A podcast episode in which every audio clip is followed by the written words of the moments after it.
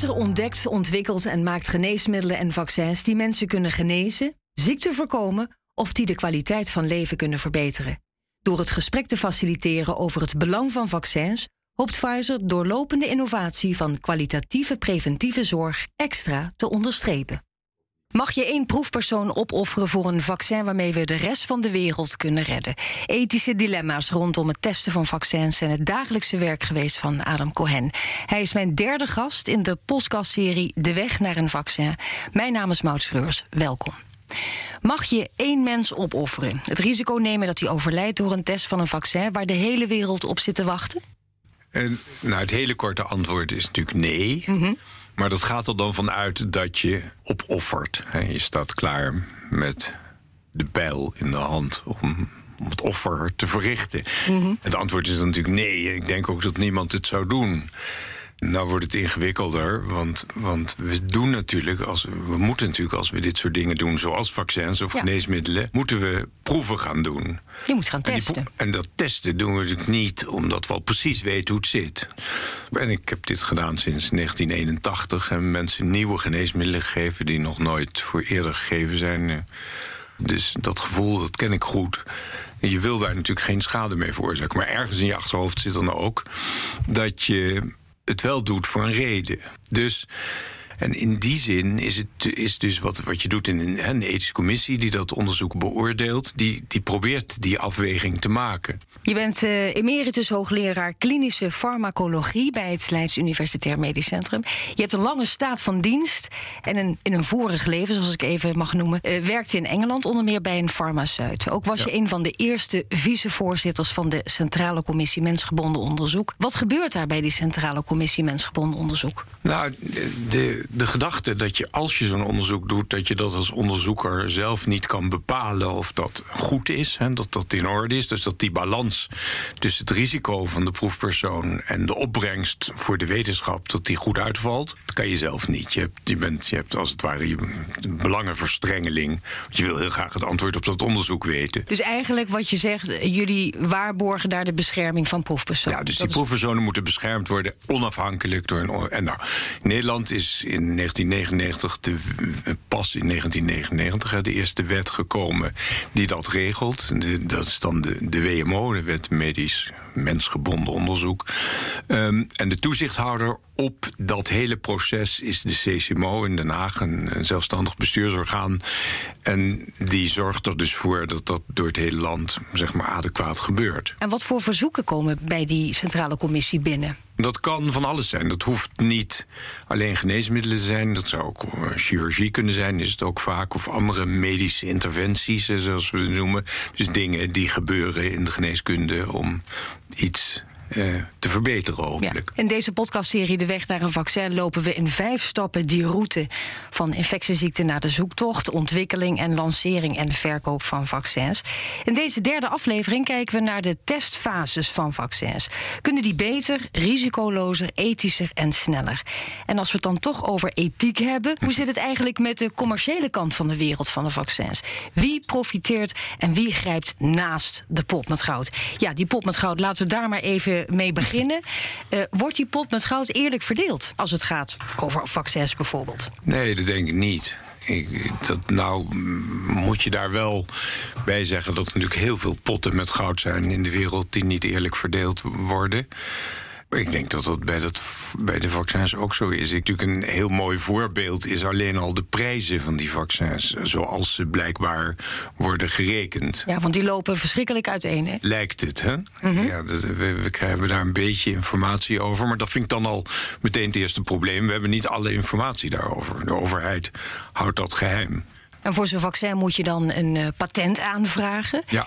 Wat vind je van patenten voor vaccins in, een tijd zoals deze, nu we met een coronapandemie zitten? Nou, kijk, ik denk niet dat het erg is of, of verwerpelijk dat, dat een bedrijf ehm, daaraan verdient. En de, de, reden dat ik dat zeg, is dat natuurlijk we zien nu natuurlijk ook wel het gevolg van het feit dat er bedrijven zijn geweest die die technologie in de lucht hebben gehouden, min of meer, zodat het nu gebruikt kan worden. Dus daar heb je een, een, zekere mate van geld voor nodig, daar is geen twijfel aan.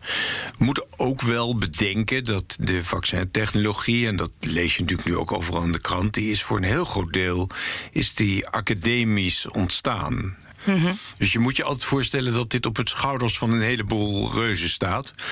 Die allemaal weer ook voor een deel door overheidsgeld betaald zijn. En maar daar moet geld aan verdiend worden. Dat is helemaal niet onredelijk, denk ik. De vraag is wel hoeveel. We hadden het net al over universiteiten.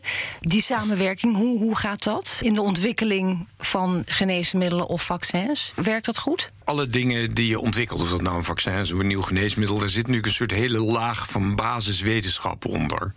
Die wordt bijna zonder uitzondering bedacht in universiteiten. Want hoe ziet een ideale samenwerking eruit? Want in uh, maart vorig jaar pleit hij een trouw voor nationalisatie uh, voor het een en ander. Hè? Ja. Hoe zie je dat? Moet alles in overheidshanden komen? Want je pleit ook voor een vaccindefensie. Hè? Wat we nu zien is die enorme versnippering van dit veld. Ik wil niet zeggen dat je het leger moet inzetten voor deze dingen, maar je zou eenzelfde soort aanpak natuurlijk makkelijk kunnen kiezen. Je moet de overheid dan betalen, dat, is, dat kost wat, maar een leger kost ook wat, maar je ziet wat het nu kost. Mm Kijk, het maken van zo'n vaccin, daar wordt natuurlijk, nou, komen we straks nog wel op. Mhm, zo ingewikkeld is dat nou ook weer niet als je het helemaal uitgevonden hebt. Dus als Pfizer Nederland een licentie zou geven, of een andere farmaceutische industrie, of allemaal tegelijk, dan gingen we het maken en dan hadden we binnen, denk ik, een maand genoeg vaccin voor heel Nederland. En als mhm. alle andere landen in Europa het ook hadden, hadden we het probleem al opgelost. Voor het onderzoek naar de coronavaccins is uh, fors de portemonnee getrokken. Moet het overheidsbudget voor vaccinonderzoek sowieso omhoog? Als je zegt van nou, als je een soort defensie wil op het gebied van vaccins, daar moet je structureel. Daar moet je klaar. Nou, kijk, wat je moet doen is je moet klaar zijn om wanneer er zich zo'n bedreiging voordoet, onmiddellijk op te kunnen treden. Niet het eerst allemaal te moeten construeren. Net als we dat doen met het leger. Er liggen een ground-to-air raketten klaar ergens in een opslagplaats van het leger. Mhm. Die kosten geloof ik 15 miljoen per stuk. Ja, ik, ik weet ook straaljagers. Ja, ook. een straaljager, een F-35 kost 100 miljoen. En die moeten ja, die moet in de lucht houden, dat kost nog veel meer dat, ik ben daar niet tegen. Hè. Ik weet niet precies waarom we het doen, maar dat is nou precies waarom je een leger hebt. Mhm. nou, een, een, een, fabriek waarin je zo'n virusvector kan maken met zo'n beetje van zo'n zo'n ander virus erin kost 30 miljoen om te bouwen, weet ik toevallig. Dat is dus een derde van een F-35. En daarin kan je zo'n beetje 1 tot 2 miljoen vaccindoses per 48 uur maken. Ja, maar hoe doet Nederland het nu, internationaal gezien, op het gebied van het ontwikkelen van vaccins? Ja, ik, heb, ik zeg alsmaar dat ik mij niet wil toevoegen aan die hele rij van bejaarden die de hele tijd op de televisie komt zeggen dat zij het eigenlijk zelf beter gedaan zouden hebben, gegeven het feit dat ze het zouden moeten doen. Dus eh, ik vind dat we het heel goed doen. Welke lessen kunnen we trekken? Zoals het nu gaat. Het gaat behoorlijk goed, nog niet helemaal. Maar... Nee, ik denk de les die je kan trekken is van zorg dat daar gewoon een organisatie voor klaar zit. je ziet dat aan zo'n vaccinatiecampagne. Daar is niet een hele duidelijke centrale uh, club die dat nu aanpakt. Heeft u het al verteld in Den Haag? Als het aan u ligt, hoe, hoe, hoe u het zou aanpakken? Ja, dat hebben we wel eens geprobeerd. Maar het is niet heel populair. We hadden het zojuist over uh, de pot met goud, hè, de verdienmodellen, eventuele nationalisering. Wat zijn, even samengevat, de mooie kanten en de lelijke kanten, zoals het nu gaat met de ontwikkeling vaccins in de wereld? Nou ja, goed, kijk, ik denk dat de mooie kant is dat je een keer ziet hoe, hoe, jarenlange wetenschap, waar je ook wel eens van gedacht had, waar is dat nou eigenlijk goed voor, toch uiteindelijk goed kan zijn. Um, dus dat is het mooie ervan, dat iedereen dat eens een keer ziet. Ja. Maar het heeft ook een lelijke kant natuurlijk. Nou ja, kijk, de, ik weet niet of je het lelijk moet noemen, maar dat is wat ik bedoelde met het volstrekt ongecontroleerde kapitalisme dat achter de financiering van die, van die farmaceutische industrieën zit. En dat heeft natuurlijk ook gevolgen voor andere landen, hè? want niet iedereen kan zich uh, een vaccin veroorloven zoals zij dat doen. Want volgens mij in Afrika, India, ik weet niet hoe het daar. Laten we eerlijk zijn, ik geloof er helemaal geen klap van dat zo'n vaccin 15 dollar moet kosten. Want dat zijn de prijzen. 35 dollar of zoiets. Of, ik denk dat dat een paar cent moet kosten. Een heleboel is prijs. En dat is denk ik geen goede manier voor een bedrijf om te runnen. Je moet toch runnen op, op innovatie. 34 jaar werk je al bij het Center for Human Drug Research in Leiden. Ja. Het instituut dat nieuwe geneesmiddelen onderzoekt hè, bij de mens. Het is geen commerciële partij, toch? Nee, dat, is, dat daar ben ik wel heel trots op, eerlijk gezegd. Dat hebben we ooit gestart op een subsidie van het ministerie van Onderwijs. Het was een initiatief van de, de toenmalige farmacoloog in Leiden, Douwe Breimer... die, die daarna rector magnificus is geweest in Leiden. En ja, ik, ik kwam ook van een farmaceutische industrie overigens op dat moment... die ook geen aandeelhouders had, of maar heel kregen ze net op dat moment. En het is ons gelukt om ja, CDR op cashflow te laten groeien... zonder, zonder extern geld er ooit in is gegaan. Want wat gebeurt er precies bij jullie? Wat doen jullie? CDR doet onderzoek met geneesmiddelen bij mensen. Dus ontwikkelt een methodologie om, die, om te kijken of die dingen werken of helpen.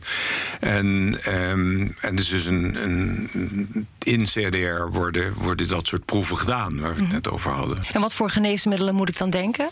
Nou, wat we zo over de jaren gedaan hebben, varieert tussen eh, vaccins en middelen voor psychiatrische aandoeningen, neurologische aandoeningen. Ehm, uh, maar ook allerlei hart- en vaataandoeningen. En dat, die breedte konden we beheersen, omdat we natuurlijk geassocieerd waren met het Leids Universitair Medisch Centrum. En, en hoeveel last hebben jullie dan van al die strenge regels die gelden? Bijvoorbeeld toestemming vragen voor het testen bij die Centrale Commissie Mensgebonden Onderzoek, waar we het zojuist over hadden? Nou, ik denk dat je daar geen last van hebt. Daar heb je natuurlijk alleen maar voordeel van, want dat geeft het onderzoek uh, soort van de juiste vertrouwen voor de mensen om er ook aan mee te willen doen dus in de regelgeving op zich, de alle regelgeving die voor dingen is, is niet iets waar je last van hebt. Het is ook wel weer zo dat die uitgegroeid is tot iets wat soms dysfunctioneel is. In de zin van? Dat heb je natuurlijk wel vaker, maar er zijn regels die er op zich heel redelijk uitzien. En soms worden die uitgewerkt doordat er allerlei partijen omheen zitten die alleen nog maar over die regels gaan, mhm. tot iets dat volstrekt onwerkbaar is. Hoeveel mensen werken trouwens bij jullie? 300 ongeveer. En hoe lang duurt zo'n aanvraag? Jullie doen dan een aanvraag bij die commissie hè? Uh, voor de goedkeuring. Ja. Ja, weken. Dat hangt een beetje van de commissie af. De ene commissie doet er drie maanden over, de andere twee weken. Het, dat is natuurlijk ook zo'n voorbeeld. Het is niet zo dat zo'n commissie er drie maanden keihard op zit te studeren elke dag. Het, het is vooral het opstapelen van allerlei administratieve gebeurtenissen. Waardoor iedereen even twee dagen nodig heeft om het volgende uh, paraaf te zetten. En dat wordt dan al vaak drie maanden. Die beoordeling, dat is natuurlijk eigenlijk een beetje de, de trechter waar het doorheen moet. En die is verbazend weinig ondersteund. Zowel op het niveau van de academische of andere instellingen die zo'n commissie hebben. Mhm als op het, eh, vind ik, het centrale niveau. En dan als het gaat om het testen, hè, dat begint met een uh, preklinische fase waarbij dieren worden ingezet. In Nederland gebeurt dat onder meer bij apen. Laten we luisteren naar dit fragment. Het is van afgelopen juni van het AD en het is uh, opgenomen in het apentestcentrum in uh, Rijswijk. Wat wij doen is dat wij de dieren experimenteel infecteren met het virus. En dat we daarna gaan kijken hoe de ziekte zich ontwikkelt. En we noemen dat dan een proefdiermodel. En dat proefdiermodel dat kunnen we later, en dat gebruiken we op dit moment ook al, om vaccins en medicijnen uh, te testen. In de apen worden over het algemeen uh, is dat de laatste stap voordat een bepaald medicijn of een vaccin voordat dat naar mensen gaat. Zelfs in het geval van corona, waar al die onderzoeksfases een beetje in elkaar gedrukt worden, uh, daar wordt helemaal niks overgeslagen. Dus ook de stappen die normaal in apen gaan, gaan nu ook in apen. De reden waarom wij het doen is omdat het afweersysteem van apen heel erg op dat van mensen lijkt. En we weten ondertussen ook dat apen bevattelijk zijn voor het virus. En daardoor zijn ze gewoon hele goede modellen om vaccins en therapieën uh, in te testen. Ja, het gaat dus om testen bij apen. wat betreft het coronavaccin. Wanneer mag je trouwens gaan starten met het test op mensen? Op het moment dat je, denk ik, in het algemeen zo zeker als mogelijk bent dat die mensen daar geen schade van zullen ondervinden. Weet je, waar we mee begonnen aan dit, dit gesprek. Ehm, en dat kan voor een deel, maar niet door volledig, door dierproeven. Maar je weet dan niet als je gaat testen bij mensen of het wel veilig genoeg toch? Nee, dus dat doe je dan eigenlijk op een paar manieren. Eerst probeer je daar natuurlijk wel een, een beeld van te vormen. En soms lukt dat behoorlijk goed. Je weet natuurlijk iets van, van hoe, hoe mensen en dieren in elkaar zitten. En je weet iets in het algemeen van hoe zo'n zo'n middel in elkaar zit. Dus, dus zonder, het is ook niet helemaal waar dat je niks weet. Dus je probeert dat. Het is eigenlijk het, het, verminderen van risico door zoveel mogelijk te weten van tevoren. Het moet daar natuurlijk wel iets mee te maken hebben. Als je al zeker weet dat zo'n dierproef niks te maken heeft met wat er vervolgens bij mens gebeurt, en dat kan, omdat bijvoorbeeld die dieren het mechanisme niet ingebouwd hebben dat je bij mensen probeert te beïnvloeden, ja, dan. Dan heb je er niet zoveel aan. Is het ook zielig om die dieren daarvoor op te offeren. Net zo goed als je geen mensen op wil offeren, onnodig. Dat is eigenlijk het moment. En dat moment, die beoordeling van, van die enorme stapel van dierproeven van tevoren, dat is waar we dan naar gaan kijken. En dan proberen we ons een idee te vormen of dat gevaarlijk is of niet. Zijn de regels versoepeld omdat er nu met corona meer haast is? Nee. Er is ontzettend veel haast. Nee, nee, die regels zijn helemaal niet versoepeld. Als het tot de doet, kan het blijkbaar snel. Over die uh, snelheid uh, gesproken. Uh, laten we even luisteren naar een fragment uit een webinar over vaccinaties van de Koninklijke Nederlandse Academie van Wetenschappen. Het was in januari 2021 en aan het woord is viroloog Ron Fouché. Er zijn veel zorgen gerezen over de snelheid waarmee deze vaccins gemaakt worden. En natuurlijk is dat wel enigszins te begrijpen, omdat het in de regel 10 jaar duurde, misschien wel 15 jaar soms, voor een vaccin op de markt komt. En in dit geval met corona doen we dit al binnen een jaar. Maar de vraag is niet zozeer waarom het zo snel gaat nu. Eerder is de vraag waarom zo lang duurde in het verleden. Want technologisch is dit allemaal prima haalbaar. En het is met name prima haalbaar omdat we in de preklinische fase van ontwikkeling al een enorme hoeveelheid ervaring hebben opgedaan met het maken van vaccins tegen SARS-virus uit 2003 en het MERS-virus, allebei coronavirussen, MERS-virus uit 2012. Bovendien, als er voldoende geïnvesteerd wordt in dit soort onderzoek, dan kunnen we heel veel van die preklinische studies in parallel aan elkaar uitvoeren. En dat is wat we hebben zien gebeuren. Daarnaast was er een bereidheid van zowel de farmaceutische industrie als de overheden om ook die klinische studies te overlappen. Normaal gesproken beginnen we pas een fase 2-studie als de fase 1-studie naar volledige tevredenheid is afgerond, omdat die fase 1, 2, 3 studies zo enorm veel geld kosten. Maar nu uh, was, speelde geld veel minder een rol en zijn die fase 1, 2 en 3 studies dus eigenlijk in parallel uitgevoerd. Bovendien hebben de fabrikanten uh, de productie op gang gebracht al voordat de fases 1, 2 en 3 studies zijn afgerond, waardoor dit uh, vaccin vliegensvlug op de markt komt. En de laatste factor is natuurlijk de reviews van dit soort procedures, die normaal ook één of twee jaar kunnen duren, maar die nu eigenlijk al, terwijl de studies nog liepen, uh, gestart zijn, waardoor de regulatoire reviews ook veel sneller zijn gegaan dan normaliter. Maar de, iedere fase van de ontwikkeling van het vaccin, zoals we dat normaal gesproken kennen, zijn op normale wijze doorlopen, alleen heel erg gelaagd en uh, veel sneller, maar niet met minder uh, rigor dan u gewend bent van vaccin. Er was dus een hoop geld, hè? Om dat allemaal te versnellen om een coronavaccin uit de grond te stampen. Ja, geld is zonder enig twijfel een voorwaarde. Mm -hmm. Maar de bedrijven en de organisaties die dit deden, overigens inclusief de overheid, hebben meer dan genoeg geld. Dat hebben ze altijd. Ik vond wel verbazend dat sommige van de bedrijven, niet allemaal, gezegd hebben dat ze dit alleen konden doen met overheidssteun. En de ontwikkeling van zo'n vaccin is niet zo duur, want het grootste deel van de technologie is er al. Zojuist uh, hoorden we Ron Fauché ook zeggen dat de fases in elkaar zijn geschoven. Hè? Je hebt bepaalde ja. fases in de klinische fase. Hoe zit dat eigenlijk? Een reis van werken naar helpen. En werken, daar bedoelen wij altijd mee. Het werkt via een een of ander mechanisme. Het, het, doet iets in het lichaam waardoor je denkt dat het zijn, zijn werk doet. Nou, zo'n vaccin is natuurlijk duidelijk. Het werkt als het antilichamen produce, laat produceren door je lichaam. En dat gaan jullie uitproberen? Dat is zo'n fase 1 trial. Fase Daar heb 1, je ja. niet zo vreselijk veel mensen voor nodig. Een man of 50, soms 100. Mhm. En in, in die fase kan je ook natuurlijk allerlei doseringen bekijken. En dat wordt ook gedaan. En kijken of de hoeveelheid antilichamen die gemaakt wordt... bij een hogere dosis nog meer wordt. En waar je ook naar kan kijken is de directe bijwerkingen. Dus eh, waar nu veel over gepraat wordt. Pijn in de arm, rood, beetje koorts. Dus dat zijn dingen die je kan meten. Maar wat je dan niet weet, is of het helpt. Wat wij willen natuurlijk, het maakt ons niks uit of er antilichamen Hoe in het ons werkt, bloed maar zitten. als het maar werkt. Als het maar werkt. Ja. En dat is dat je er niet ziek van wordt. Niet ziek wordt als je dat spul gehad hebt in plaats van een groep die niks gehad heeft.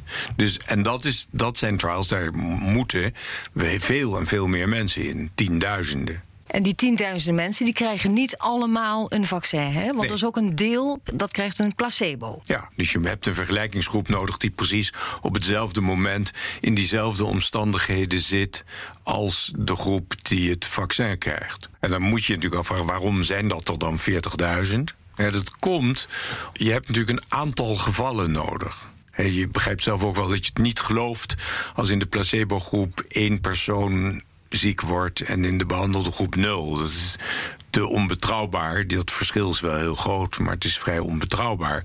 Dus je hebt er in die totale groep wel zo'n beetje 100 nodig voordat je dat met zekerheid kan zeggen hoe goed dat vaccin beschermt. Je probeert een, een balans te vinden tussen de duur van die trial en de kans op het krijgen van ziekte. En dat samen bepaalt dat je op een gegeven moment, dat is vrij goed ingeschat, dat je na een paar maanden in dit geval op, op zo'n 100 gevallen zit. En nu zegt eh, de groep die een placebo heeft gekregen... van nou, nu willen we ook een vaccin, want het is allemaal goed gegaan. Ja. Kan dat zomaar? Als er, het is heel onwaarschijnlijk, maar als er een lange termijn bijwerking is, dan kun je hem vergelijken met hoe vaak die voorkomt bij die placebo-groep en de behandelde groep. Dus sorry jongens op placebo, jullie hebben pech gehad. Had je maar eens in die proef moeten gaan, je wordt niet beschermd. Dat lijkt me volstrekt onacceptabel, want we willen, zoals aan het begin zei, we willen nooit iemand opofferen. Nee. Dus dat moet dan maar even. Die mensen moeten natuurlijk behandeld worden. Welke resultaten moeten worden geboekt om door te mogen met een vaccin? Hè? Want je hebt dus die fases nu. Fase 1 hebben we nu besproken, Ja. hè? fase 2. Welke resultaten moeten kijk, dan? we weten nu dat een aantal van die vaccins helpen. Die beschermen mensen aanzienlijk tegen het krijgen van ziekte. Een kans van 5% nog maar over van de 100% die je hebt. Mensen zijn goed beschermd. Je wil natuurlijk het liefst een absolute bescherming. Je wordt nooit meer ziek en je kan nooit meer iemand infecteren. De autoriteiten, de, de mensen die uiteindelijk die goedkeuring moeten bepalen, die hebben een grens gezet, zo'n beetje van rond de 75% bescherming. Dat is ideaal. Alles daarboven is natuurlijk nog beter. Ja. De huidige vaccins die nu op de markt komen, zitten daarboven, toch? zitten daarboven. Ja. En wanneer valt een vaccin dan af in deze fase? Nou ja, je zou kunnen zeggen dat zelfs als het minder is, als het omlaag gaat naar misschien 50% bescherming, dan heb je natuurlijk nog, nog altijd een, hè, die beroemde R-waarde, die heb je dan gehalveerd. De kans dat je ziek wordt. Dus dat is nog steeds waardevol. Maar hoeveel procent gaat het dan? Kun je Nou dat ja, schetsen? 50 procent. Ik denk daaronder wordt het op een gegeven moment. Ja, wordt het de vraag of het nog nuttig is om het allemaal te gaan doen. Maar om hoeveel procent van de geneesmiddelen die worden ontwikkeld, gaat de prullenbak in? Daarvan een heleboel. Hoeveel ongeveer? Nou, ik denk, eh, ja, dat hangt een beetje vanaf waar je begint. Hè. Als je begint bij, het, bij, bij geneesmiddelen in het algemeen, dan zal het 90 procent zijn. Er zijn af en toe eh, heftige verhalen waarbij het eh, misging eh, met proefpersonen in de testfase. Laten we even luisteren naar dit fragment. Het is in 2016 uitgezonden door de NOS. Nou, het gaat om zes vrijwilligers hè, die meededen aan een experiment. Het testen van een nieuwe pijnstiller op basis van cannabis. En dat is vreselijk misgegaan. Een van hen is dus inmiddels klinisch doodverklaard. Vijf anderen die bevinden zich in een zorgelijke, sommige Franse media hebben het zelfs over een kritieke situatie. Wat er is misgegaan, dat weten we nog niet. Of er bijvoorbeeld een fout is gemaakt met de samenstelling van het medicijn of de dosering. Maar hoe dan ook, justitie is een onderzoek begonnen. En de Franse minister van Gezondheid, Marisol Touraine, die geeft later vanmiddag een persconferentie. Dan zullen we wellicht meer weten. Het ging mis met uh, een, een pijnstiller, die werd getest in Frankrijk. Maar dit soort drama's, zoals in Frankrijk, die worden amper aangevoerd door zogeheten antivaxers. Mensen die hebben gezegd van nou, wat er ook gebeurt, ik laat me niet vaccineren tegen corona. Hoe verklaar je trouwens die weerstand? Ik denk dat het komt omdat je gevaccineerd wordt, je, ben je niet ziek. Het is blijkbaar voor mensen moeilijk om dat concept van preventie, het verminderen van kans, om dat te omvatten. Kijk op het feit dat er iets bij je naar binnen wordt gespoten, wat en dat moet dan eigenlijk wel een probleem opleveren. En als dat niet zo is, dan wordt het van me verborgen. Dat is zoals er gedacht wordt. Ja, maar het gebeurt wel al vanaf onze geboorte. Krijgen we al ja. prikken. Maar het gebeurt ook al vanaf 1700. En overigens zie je rond de pokkenvaccinatie in 1700 precies dezelfde emotie optreden. Zoals nu? Ja, ook dan zie je mensen die zeggen van als wij die koepokken ingespoten krijgen, dan gaan we op een koe lijken. En dan zie je allemaal spotprenten in die tijd van mensen die op koeien zijn gaan lijken. En het moeilijke, de vaccinatie is echt de ultieme free lunch. Dat is bijna Wat niks. bedoel je daarmee? Daar bedoel ik mee. Dat vinden wij moeilijk te begrijpen. Er, er, is geen gratis lunch. Het is altijd ergens is er een payback van als er iets gebeurt. Dus dat vinden we begrijpelijk. Nou, bij die vaccinatie is de mate van van schade en van dingen die je dus, behalve de kosten van het vaccin, is minimaal. En dat vinden we blijkbaar moeilijk te begrijpen. Dus iedereen gaat dan zoeken naar redenen. Er moet toch wat zijn. Ja, maar wat kunnen we daartegen doen, tegen dat gevoel? Uitleg uitleg. Dat is maar één ding wat je dan kan doen, voorlichting. En, en ik vind dat we dan nog steeds veel te weinig doen. Nou, volgens mij gaat dat niet met een simpele soort van overheidscampagne waar je maar zegt het is goed. Ik denk dat mensen terecht willen weten waarom is dat eigenlijk zo? Waarom is dat goed? Hm. En dat kunnen we ook uitleggen. En dat gebeurt ook wel. Maar het gebeurt denk ik in, in allerlei fora waar, waar de meeste mensen niet naar luisteren. Dit dus, kan dus beter, wat dat betreft. Ja, ja. Je zit uh, al 34 jaar bij het Centrum voor Human Drug Research. Veel ervaring dus. We hadden het zojuist over meer informatie, meer voorlichting. Wat zou dan jouw verhaal zijn? Wat we nou de komende tijd moeten gaan doen, is zowel veel meer onderzoekers uitleggen hoe je geneesmiddelen en dit soort dingen moet ontwikkelen. En iedereen in het land, als het ware, echt viroloog maken. We zeggen voor de grap dat iedereen nu viroloog is, maar dat is niet waar. Daar moet je wat voor weten en dat moeten we gaan bereiken. En ik denk dat dat in het algemeen voor alle dingen die mensen overkomen en die ze allemaal mee gaan maken, namelijk behandelingen, dat dat goed zou zijn. Dus ik denk voorlichting en dat maal drie. Tot slot wil ik eindigen met een eh, stelling, die wil ik graag voorleggen. En die luidt: alle infectieziekten de wereld uit, te beginnen met. Nou, ah, dan moet ik kiezen. Nou ja, ik zou beginnen met de dingen die er echt makkelijk uit kunnen. Nou, corona kan, maar dan zou ik vervolgens overgaan op mazelen. Er gaan nog steeds, geloof ik, honderdduizenden kinderen dood in de wereld aan mazelen ieder jaar. En er zijn nog een heleboel infectieziekten in een heleboel delen van de wereld die echt serieuze schade veroorzaken. Daar hebben we het nou even niet over. Maar daar moet je echt aan beginnen. Dat is hartstikke goedkoop, kost bijna niks om te doen. En het is natuurlijk een schandaal dat we dat niet veel harder aanpakken. Dankjewel, Adam Cohen, emeritus hoogleraar klinische farmacologie, was mijn gast tijdens deze derde aflevering, waarin we spraken over de testfase van een veelbelovend vaccin voor een infectieziekte, de strenge regels voor het testen op mensen en de haast die we hebben, bijvoorbeeld voor het vinden van een goed coronavaccin. Kan en moet het proces sneller, beter, minder commercieel en veiliger? Mijn naam is Maud Schreurs en dit was de derde aflevering van de podcastserie van BNR De Weg naar een Vaccin.